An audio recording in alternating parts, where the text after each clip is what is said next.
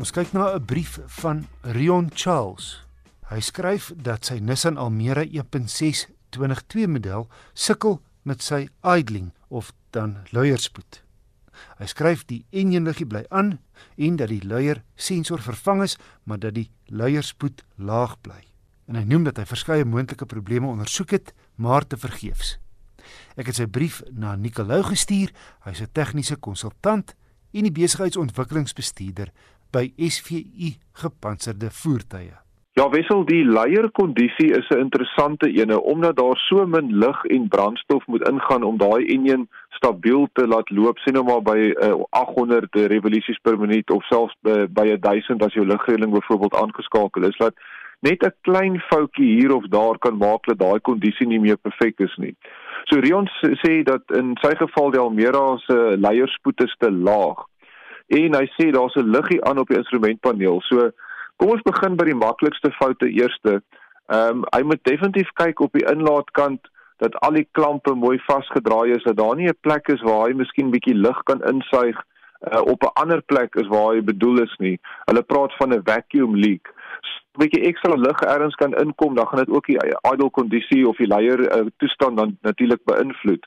Dan moet hy seker maak dat die inlaatklep skoon is. So mens kry nou maar dat daai inlaatklep van die enjin begin vuil raak dan kry mens hierdie ehm um, skoonmaak spuit wat jy kan inspuit en daai inlaatklep mooi skoonmaak. En dan moet 'n mens onthou dat die baie keer die leier toestand word gekontroleer of beheer deur 'n leierspoedklep wat dan in parallel met daai inlaatklep sit. So dis 'n kleiner tipe opening waar die lug deurgaan en dis gewoonlik 'n elektroniese klep wat dan die leierspoed beheer. Nou daai klep kan eerstens probleme vir jou gee en tweedens kan daai klep ook vuil raak So hy moet ook uitgehaal word en daai plek moet skoon gemaak word en teruggesit word. Dis al die maklikste maniere om 'n idle probleem op te los. Wat my bietjie pla is dat hy sê daai liggie op die instrumentpaneel. Nou gewoonlik is daai liggie, daai oranje een is wat lyk soos 'n enjin, dan beteken dit daar's iets fout in die enjin wat gekoppel is aan die emissies.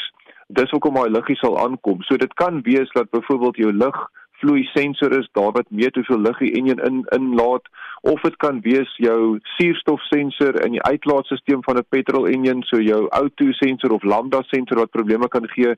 Hy noem wel dat die luggie uh, is na die coil toe wat natuurlik jou pencil coil is daai klos wat bo op elke vonkprop sit wat maak dat elke vonkprop kan vuur. Nou hy sê al daai is reg, maar ek dink hy moet net gaan seker maak dat daai kode wel vir hom na daai uh, klos op die vonkproppe wys en dit nie miskien 'n lug uh, inlaatsensor is of miskien dan daai suurstofsensor in die uitlaat nie. Maar dit is die dinge wat uh, Rion kon doen om hierdie probleem te probeer oplos. Nikkel, jy het ook uh, Lawrence Ferreira se brief onder oog gehad.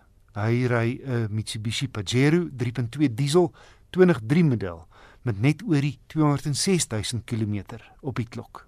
Hy vra, "Hoe beskerm jy die enjin en verleng die motor se lewe?" en hy noem dit hy ook karavaan sleep. En hy verwys na die dieselfilterbrief wat ons verlede week bespreek het. Ja, Wessel Lourens kan nou sien hy's baie lief vir sy voertuig. Dit is 'n 2003 model oor die 200 000 km op en hy wil natuurlik hê dat die voertuig so lank as moontlik vir hom moet hou en dis te verstaane in die tyd waar ons vandag leef waar elke ou sy uh, geldpan moet knyp.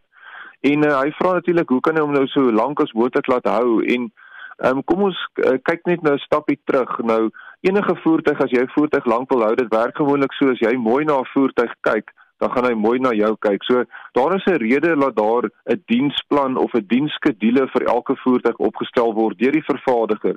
Dis die ingenieurs wat kyk na daai enjin en daai voertuig en kyk wat moet vervang word op watter tydstip in die uh, voertuig se lewe om seker te maak dat die voertuig so lank as moontlik gaan hou. So eerstens maak seker dat die voertuig altyd gediens word volgens die diensskedule en dat al daai inspeksies wat gedoen moet word op die enjin en oral op die voertuig tydelik geskied. So maak seker dat die voertuig definitief gediens word op daai skedule. Dit gaan vir jou die beste resultate oor die langtermyn gee.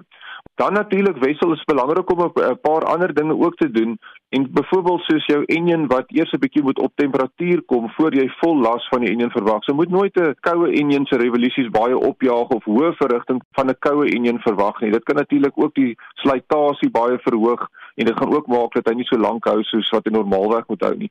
Hy noem ook dat hy sleep. Natuurlik 'n sleepvoertuig moet nooit uh, ratte gebruik wat te hoog is vir die hoeveelheid las wat jy op hom sit nie. Vir ander turbo diesel is mense nogals geneig met daai wrinkrag om baie keer die toere te laag te laat val. Dit sit ook onnodige spanning op die hele aandryfstelsel. Laurens noem natuurlik daai ehm um, 55000 rand se komponent wat in die uitlaatstelsel is van 'n diesel wat ons gepraat het oor om te vervang. Dis natuurlik jou diesel particulate filter.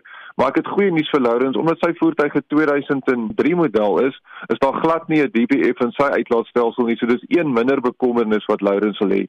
Die ander ding wat ek net wil moet afeindig is elke ou ken sy voertuig baie goed.